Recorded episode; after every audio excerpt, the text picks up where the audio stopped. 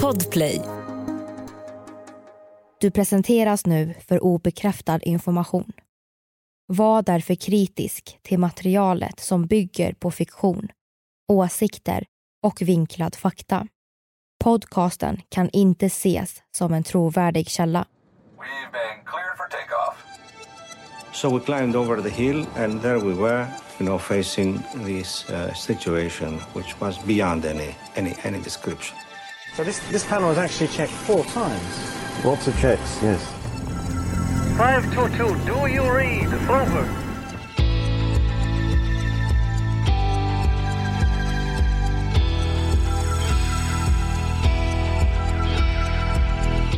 Det här är podden för dig som är intresserad av en annan version av verkligheten. En version som tar upp alternativa teorier, mystiska sammanträffanden och diskussioner om vad som kan vara sant. Mitt namn är Vivi. Och mitt namn är Aida. Och det här är konspirationsteorier.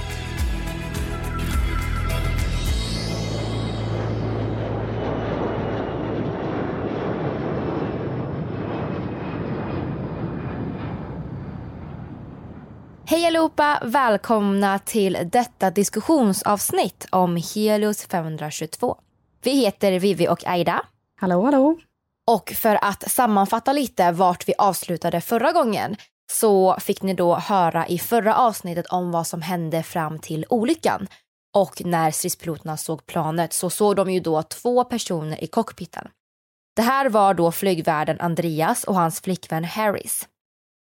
Det var ju nämligen så att planet hade varit i luften i nästan tre timmar och det hängde syrgasmasker ner i kabinen. Och trots det så kunde stridspiloterna se att det fanns en person vid cockpiten som var vid medvetande och som då försökte styra planet. Och det här var ju då flygvärden Andreas. Och frågan som man ställer sig är ju då hur han kunde hålla sig vid medvetande så pass länge när alla andra var medvetslösa. Det här är då en fruktansvärd historia men man tror i alla fall att Andreas klarade sig så pass länge då han var både stark och uthållig rent fysiskt. Och dessutom så höll han även på att ta flyglektioner för att utbilda sig till pilot. Och förutom det så var han även dykare och tidigare soldat. Så hans träning kan alltså ha gjort att han klarade sig längre än alla andra. På planet så fanns det en extra syrgasmask för varje rad och det man tror är alltså att Andreas, möjligtvis med hjälp av flickvännen Harris, faktiskt försökte jobba sig framåt i cockpiten rad för rad. Och den här tekniken kallas då för monkey swinging och sägs alltså vara sjukt svårt.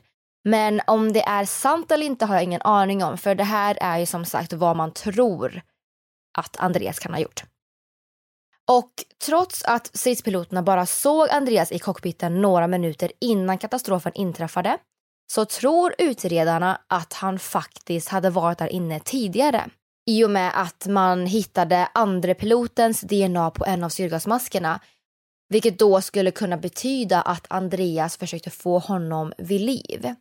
För trots att Andreas hade pilotlicens så hade han inte licens för att flyga en Boeing 737 så även om Andreas är en hjälte och försökt göra allt i den här hopplösa situationen så hade han inte tillräckligt med kunskap för att ha kontroll över planet i just det här läget. Så i och med att han inte hade den här kunskapen så ja, förstår man ju att han försökte få andra piloten att vakna till. Strax innan katastrofen inträffade så gjorde faktiskt Andreas ett sista försök att få hjälp. Han försökte ropa mayday fem gånger och tyvärr så hörs det bara väldigt svagt. Vilket inte är så konstigt i och med att det inte fanns något syre kvar. Men då radiokommunikationen fortfarande var inställd på Larnaca och inte Aten så kom dessa nödrop inte fram. Så det var alltså en helt omöjlig situation och han gjorde verkligen allt för att rädda dem. Och det tragiska av allt, förutom det här, är också att bland det sista som händer är att Andreas satte sig på kaptenens plats och jaktplanen som såg honom försökte ta kontakt över radion men det gick ju inte. Och eh, därefter så tog bränslet slut i vänster motor Och det gjorde ju då att planet krängde kraftigt åt vänster och sjönk till cirka 5 till 6 000 meter i höjd. Och Andreas tittade då mot stridspiloterna i jaktplanen som försökte signalera att han skulle följa efter dem mot flygplatsen. Men Andreas, som visste att det var kört, svarade genom att peka neråt några gånger. Vilket var hans sätt att säga att det är kört. Jag kan inte göra något. Vi kommer att krascha. Alltså, åh, det är sån eh, sorglig historia. Och jag har typ också läst någonstans att eh, typ så här, de jaktplanen ser liksom inte honom precis innan katastrofen då. Så då så sägs det att han kanske gick och eh, pussade flickvännen hej då, liksom, för de visste ju då att de skulle eh, dö. Och för att göra ett litet tillägg till den här historien då. Piloterna, de märkte ju inte av att syrgasmaskerna hängde ner i, i eh, kabinen. Och det här har jag läst då eh, beror på att i cockpiten så kommer de inte ner automatiskt, utan det är någonting som man måste göra manuellt där. Så att eh, piloterna som liksom var uppe i liksom alla varningssignaler och system som hade satts igång där, de visste ju inte vad det var som hände där, men Andreas såg ju att eh, syrgasmaskerna kom ner och liksom försökte ju då ta sig fram till cockpiten för att luska ur vad som kan ha hänt. Ja, så man kan ju verkligen se att han var en hjälte i det här. Mm. Men med en hjälte så kommer alltid en bov. Så då kommer vi till frågan, vems fel kan det här ha varit? Kan det ha varit mekanikernas fel? Ja, alltså det finns ju många som har liksom eh, lagts skuld på. Men vi kan ju börja prata om eh, mekanikern Alan Irvin, alltså han som eh, gjorde den här undersökningen av planet tidigare under eh, morgonen. Och dagen för olyckan så skulle Alan Irvin jobba från 01 till 06.30 då. Och efter hans pass så hade han planerat in en familjedag på stranden. Men då klockan åtta på morgonen, efter att han hade slutat då, så ringde Helios upp honom och bad honom komma in igen. Han visste ju inte vad det här handlade om. Eh, de kunde typ ringa honom och det var inte så ovanligt då.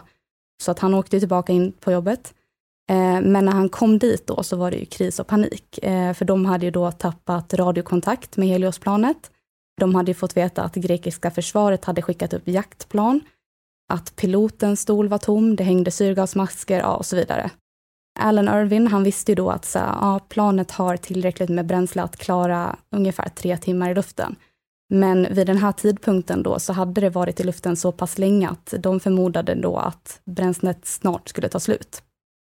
Så Alan Irvin skickades hem och sen sa de att de skulle ringa upp honom igen om de behövde något mer. Och sen fyra dagar efter katastrofen så blev han inkallad på ett polisförhör för en pratstund. Så för att eh, svara på din fråga Vivi, efter olyckan så riktades uppmärksamheten och kritiken mot flygbolaget Helios Airways, piloterna och Boeing och en väldigt stor del av skulden lades på flygteknikern Alan Irvin. Och för att liksom kunna ja, men försöka förstå vad som faktiskt orsakade olyckan så så har faktiskt en flygutredningsbyrå i Grekland listat de händelser som ledde fram till olyckan. Och detta gjordes då i samband med haverirapporten. Dessa är då 1. Piloterna missade att knappen för tryckkabinen står kvar i manuellt läge istället för auto. 2. Handlar ju om att besättningen inte lyckades identifiera vad problemet var. Detta är ju någonting som man ja, bör kunna göra Ja, precis. De hade ju någon slags nödchecklista. Um, men så här, man behövde ju inte kunna alla grejer i huvudet på den. Men om vi har förstått det rätt så var just det här någonting som man behövde kunna. Precis. Och den tredje anledningen handlar då om hypoxi.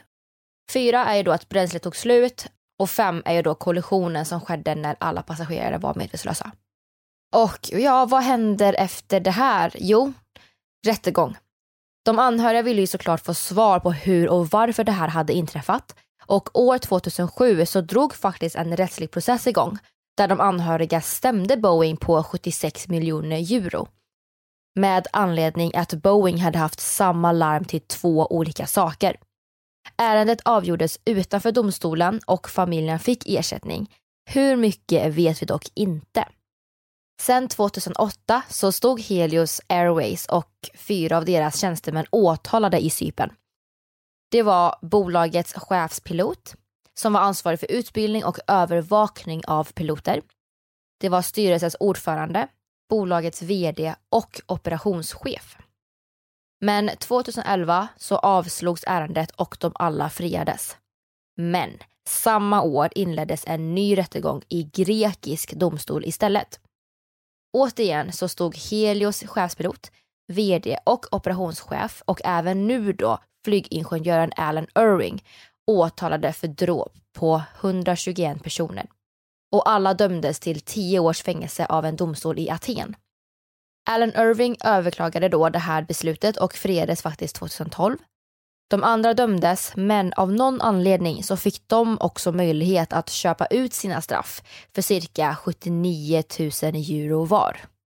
Alltså jag tycker typ att det är helt otroligt hur man kan få göra så. Lite konstigt.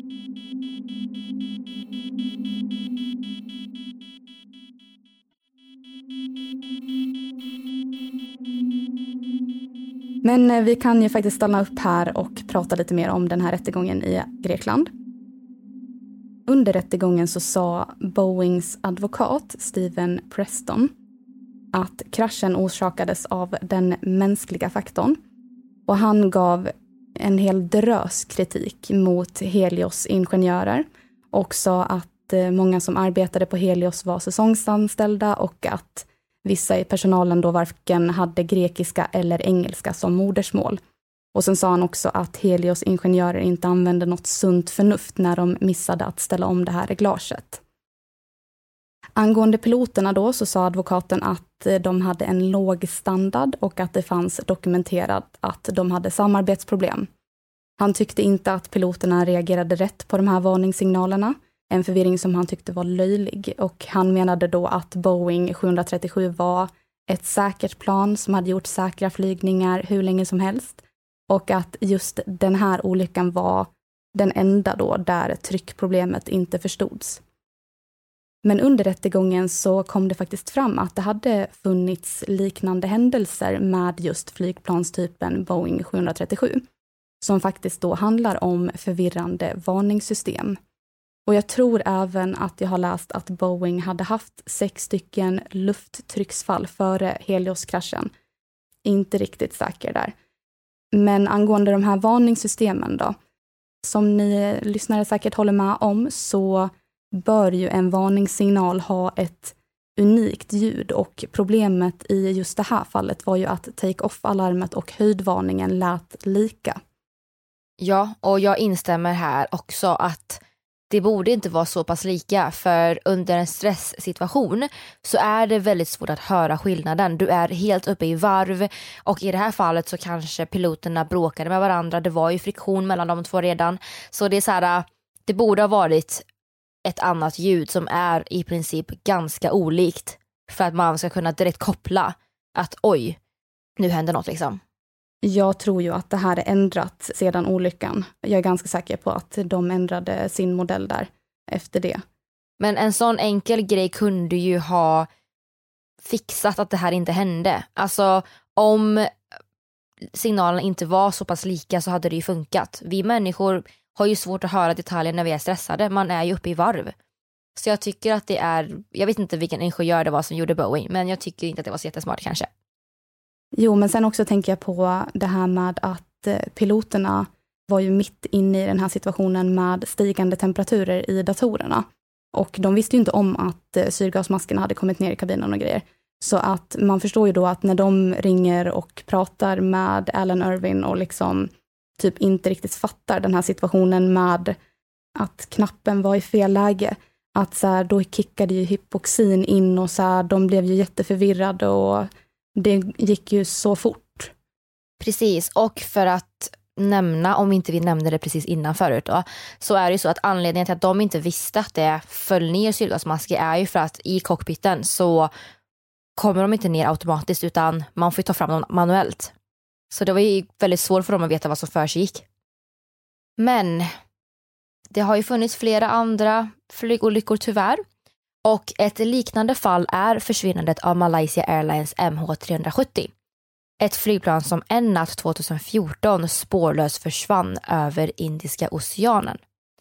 Och när det gäller MH370 så vet vi fortfarande inte varför det försvann eller vad som faktiskt hände. Som ni vet, för vi har ett avsnitt om det så ni kan gärna lyssna på det igen. Men så finns det i alla fall massor av teorier kring just vad som kan ha hänt. Och eh, ja, bland annat misstankar om en terrorattack, att piloten mådde dåligt och sen så finns det även mer sci-fi inspirerade varianter där planet försvann i en portal eller försvann ovanför en farlig plats. Ja, ni kan ju tänka er själva. De försvann helt enkelt i alla fall. Och när det kommer till flygplansolyckor så är det oftast väldigt, väldigt, väldigt vanligt att det återkommer liknande teorier. Oavsett vilket ämne eller ja, konspiration man pratar om. För i tidigare flygolyckor så har vi diskuterat både paranormala och mer logiska teorier. Och de paranormala teorierna är ju liksom så här, oj, är planet hemsökt? Oj, är det vile vortices? Eller nej men alltså de åkte ju över en triangel, det var ju det som slukade dem. Eller de åkte genom portal. Det är det mer paranormala, mer ja, men, onaturliga. Sen så finns det även logiska teorier som är, ja, har planet kapats? Var det ett självmordförsök? Eller var planet kanske trasigt men att bolaget inte hade så mycket pengar så de hade inte råd så därför så täckte de över det. Och därför, ja, orsakade det kraschen.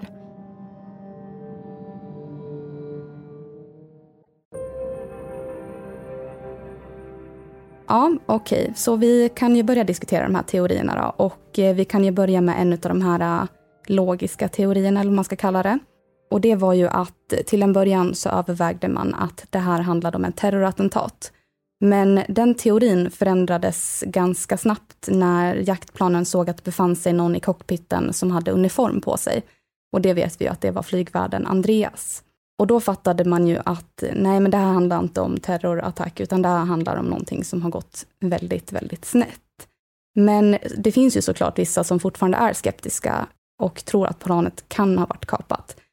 Och eh, framför allt eftersom att det här hände så nära in på 9-11. Det här var ju bara något år efter och alla var ju jätterädda att det skulle hända igen. Så jag vet inte riktigt om jag liksom kan tro att det kan vara terror, men om vi säger att det grekiska försvaret då övervägde att det handlade om en, handlade om en terrorattack, så kanske de bestämde sig då för att skjuta ner planet. Och då kanske det här med att typ bränslet tog slut bara är påhittat. Mm.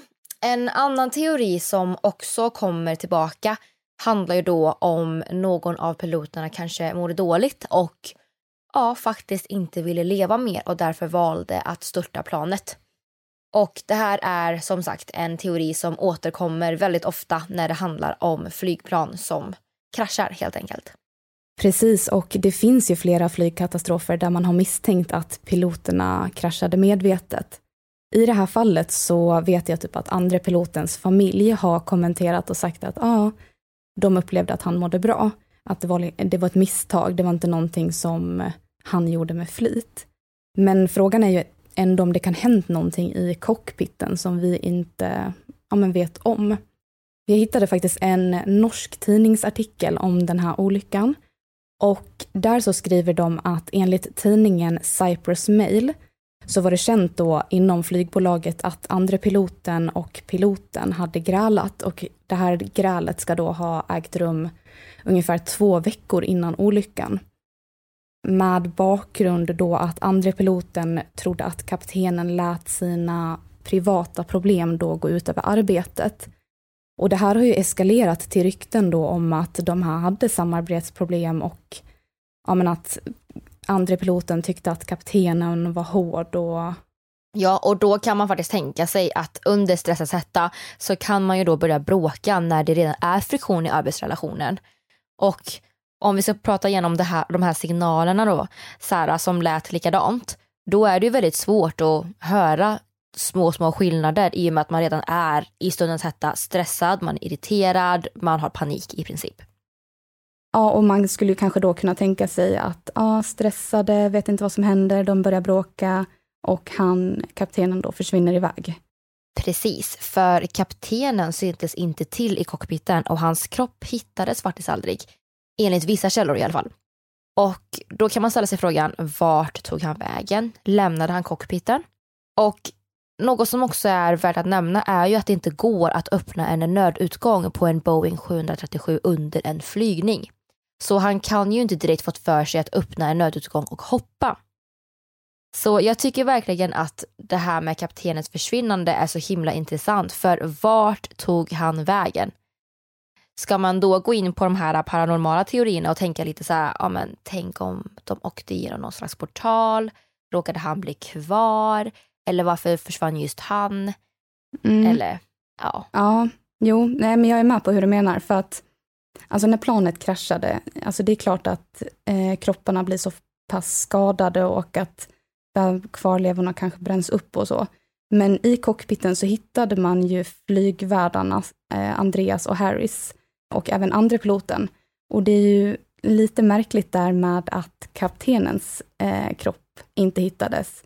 Ehm, ja, då måste han ju kanske ha lämnat cockpiten då. För det fanns ju andra kroppar som var skadade. Ehm, jag tror att de hittade, eh, det var tre kroppar som inte hittades. Och eh, just att de fann de andra kropparna i cockpiten, men just inte hans. Det är just spännande bara för att det är kaptenens kropp. Liksom. Mm, nej men jag håller med. Jag håller med. Och eh, förutom frågan kring vart tog kaptenen vägen så skulle jag säga att den mest intressanta frågan idag är kanske varför detta plan överhuvudtaget användes. Vi vet att det här planet hade stora problem med luftkonditioneringssystemet och många passagerare brukade klaga på att det var väldigt kallt ombord på planet. Och under tio veckor innan den här katastrofen ägde rum så reparerades eller inspekterades flygplanets miljökontrollsystem sju gånger. Så då kan man ställa sig frågan, var det så att det här lågprisbolaget ville täcka upp för sig själva? Hade de inte råd eller vad? Varför låter man ett plan som behöver repareras sju gånger eller inspekteras så många gånger ens flyga? De hade ju liksom en rad olika plan i deras flotta, eller vad man säger. Ehm, de kanske inte hade jättemånga av samma typ och de kanske då behövde en Boeing som ett bra säkert passagerarplan, men typ inte möjlighet att köpa ett nytt då. Men alltså, i mina öron så låter det här lite som att ja, men man försöker typ silvertejpa ihop någonting.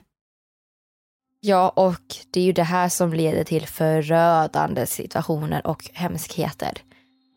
När man är för snål. Alltså helt seriöst. Ja, precis.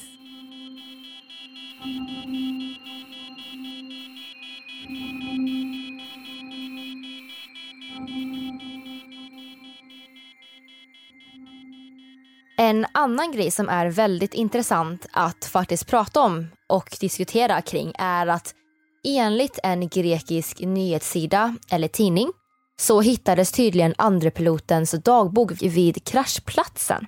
Familjen hade inte hittat den hemma, vilket förmodligen då var för att han hade med sig den på dagen då han skulle jobba. Och i den här dagboken så ska andre piloten vid olika tillfällen ha antecknat olika problem med flygplanet och bolaget. Och enligt hans familjemedlemmar så hade han sagt att dagboken innehöll information som skulle kunna vara förödande för Helios och faktiskt skulle kunna få dem att lägga ner. Så den här dagboken blev ju då en ledtråd under den här utredningen som gjordes då efter att kraschen skedde.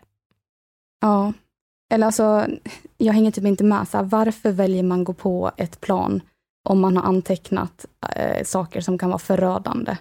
Och eh, andra pilotens familjemedlemmar säger även i dokumentären att de är väldigt ledsna och besvikna över att ja, men han visste typ att det var så mycket dåligheter som var på planet liksom. Men att han gick på ändå och jobbade. Ja, jag fattar inte heller varför man gör det. Men då tänker jag så här, kan det vara att man har hög arbetsmoral? Att man inte känner att man kan säga nej? Eller så här, vad för anledning kan det vara? Så här, skulle jag misstänka att mitt jobb kommer kunna få mig att dö och inte kunna jobba mer någonsin, för jag kommer inte vara vid liv, då hade jag nog faktiskt sagt att nej men jag känner mig inte säker för det här, det här, det här, det här. Och i värsta fall, ja antingen så får man ju sparken eller så får man bara byta pilot. Men jag hade ju verkligen varit så här, men jag känner mig inte säker. Det, det känns ju typ som att han bara kan börja jobba för någon annan då. I princip. Istället som har liksom ett säkert plan. Eller bara säga att jag vill inte flyga det här planet. Jag kan flyga ert, ja, vad det nu finns, Airbus eller så här, vad de nu heter, de andra typerna av planen liksom. Ja, nej men jag känner väl spontant, ja det kanske var hög arbetsmoral, man vet ju Mm. inte. Mm. Men en fundering kring just Helios är ju att det kallas även för spökplanet. Och det är ju egentligen bara för att det var helt tyst från planet i tre timmar och man fick inte kontakt med dem. Och det var ju för att det var syrebrist, alla var medvetslösa. Och sen så plötsligt så cirkulerade planet runt Aten, liksom runt hela tiden, vilket är jätte, jätte, jätteskumt. Så tänk dig stressen att liksom, du går runt i Aten och sen så ser du ett flygplan som cirkulerar runt dig i luften. Av ingen anledning överhuvudtaget. Ja, fy vad läskigt. Hela den här händelsen är sån tragisk historia. Men det var allt som vi hade att säga om Helios för den här gången. Eh, och nu vill ju vi såklart eh, veta vad ni har för teorier och vad ni tror kan ha hänt. Var det en konspiration eller var det bara mänskliga fel? Och om det var en konspiration, vad tror ni? Och om det inte var en konspiration, vad, varför tror ni inte att det var det? Ni får jättegärna skriva till oss på Instagram där vi heter konspirationsteorier eller på Facebook där vi också heter konspirationsteorier. Eh, för era åsikter och tankar är alltid så himla intressanta och det är jätteroligt att läsa. Mm, och våra källor ligger också i ett Google kalkylark och den hittar ni lätt på Facebook. Så det är bara att gå in på Facebook och Instagram eller kolla i avsnittsbeskrivningen där ni lyssnar på podden. Och den här grekiska nyhetssidan eller tidningen som jag nämnde innan om att, ja men det här dagboken och det. Den kommer vi också att länka i våra källor och även dokumentären som Aira pratade om där hon lyssnade på familjerna som pratade om att de var besvikna över att han gick på planet och sådär. Så det kommer att finnas i källorna. Men ja, det här är då det sista ni kommer höra från oss nu i sommar. Om inte vi spontant bestämmer oss för, för något annat. Men annars så kommer vi att höras i höst. Ja, då är vi tillbaka med massa, massa nya teorier. Så glad sommar på er, gå ut och njut av vädret för er som vill och för er som inte vill, ja stanna inne och lyssna på konspirationsteorier, det kan ni göra. Ja, gör det. ja, men allt gott och vi hörs i höst. Det gör vi. Hej då! Hej då!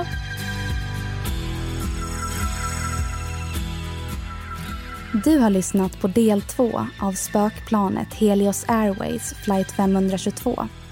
Avsnittet gjordes våren 2021. Vi som har gjort programmet heter Vivian Lee och Aida Engvall tillsammans med redigerare Jenny Olli. Källorna till dagens program hittar du via vår Facebook eller Instagram där vi heter konspirationsteorier. Via våra sociala medier kan du även skicka in tips och önskemål på teorier som du vill höra i podden. Vill du höra fler avsnitt av konspirationsteorier? Besök din poddapp och lyssna på avsnitt som Försvinnandet av Malaysia Airlines MH370 On social media, conspiracy theories about the missing plane are still going viral. Vad hände med Pan Am flight 103? Like most conspiracy theories, it's um, it's there's always elements of truth. Och mycket mer.